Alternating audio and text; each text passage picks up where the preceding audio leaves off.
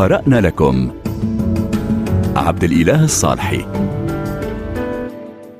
في حلقة هذا الأسبوع من برنامج قرأنا لكم نتوقف عند منجز القاص والكاتب المغربي الرائد محمد إبراهيم بوعلو أحد مؤسسي القصة القصيرة المغربية والعربية الذي برز اسمه في ستينيات القرن الماضي في عدة منابر مغربية وعربية.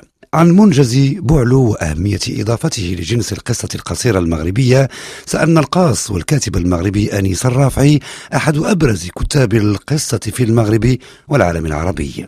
الأستاذ الراحل محمد إبراهيم بوعلو اسم أساسي في مدونة القصة المغربية وأحد روادها الكبار قياسا إلى المنجز العريض الذي تركه في هذا الجنس الأدبي من مجموعة السقف. إلى الصورة الكبيرة مرورا بأعمال آه، متميزة مثل الجولة الأولى الفارس والحصان والموت والصياد إلى آخر آه، تراثه القصصي المتميز.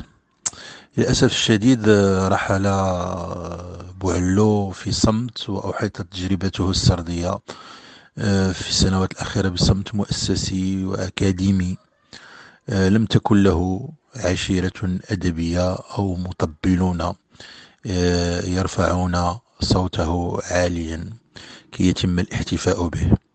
لكن هذا لا ينفي أن أن منجزه منذ ستينيات القرن الماضي ركز على قضايا الواقع المغربي الحارقة نجد موضوعات البؤس والفقر والحرمان والقهر السياسي وسنوات الرصاص والطفولة ومرارة الوجود تحضر بقوة داخل نصوصه حيث غطت هذه النصوص الواقعية السوداء التي عرفها المغرب خلال آه، عقود الستينيات والسبعينيات.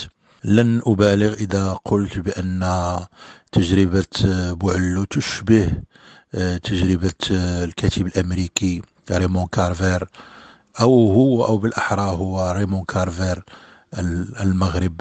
حيث يعد أحد الرواد المؤسسين لفن القصة القصيرة أنيس الرافعي في مجموعته المتميزة والرائدة خمسون قصة في خمسين دقيقة أسس بعل للقصة القصيرة جدا وأنت مهتم بهذا الجنس الأدبي كيف تقيم هذه المجموعة وأهميتها؟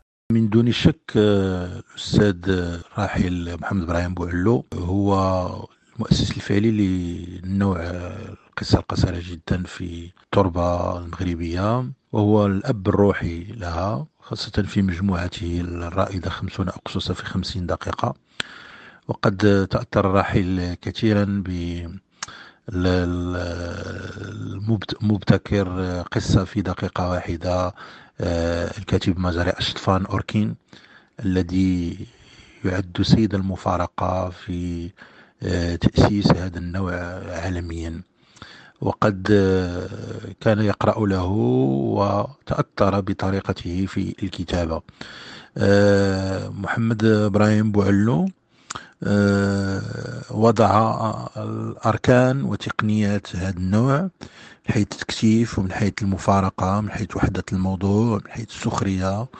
حيث تضيف الحيوان وتضيف الخبر النكتة والطرفة آه، تضيف الترميز والإيحاء والحلم آه، من حيث البداية والقفلة الخاصة بالقصة القصيرة جدا.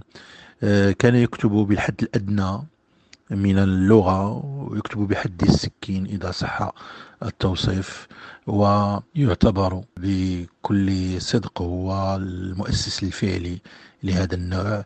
داخل مدونة القصة المغربية. محمد إبراهيم بوعلو ظل كاتبا متواضعا ومبتعدا عن الأضواء ومارس مهنة التدريس لعقود في الجامعة المغربية. وإضافة إلى ما تم ذكره من أعمال قصصية كتب بوعلو في فن المسرح ومن أعماله في هذا المضمار الجولة الأولى وأربعة طلاب وعودة الأوباش. كما كتب رواية عنوانها الهروب. وكل كتاب وأنتم بخير. قرأنا لكم. عبد الإله الصالحي.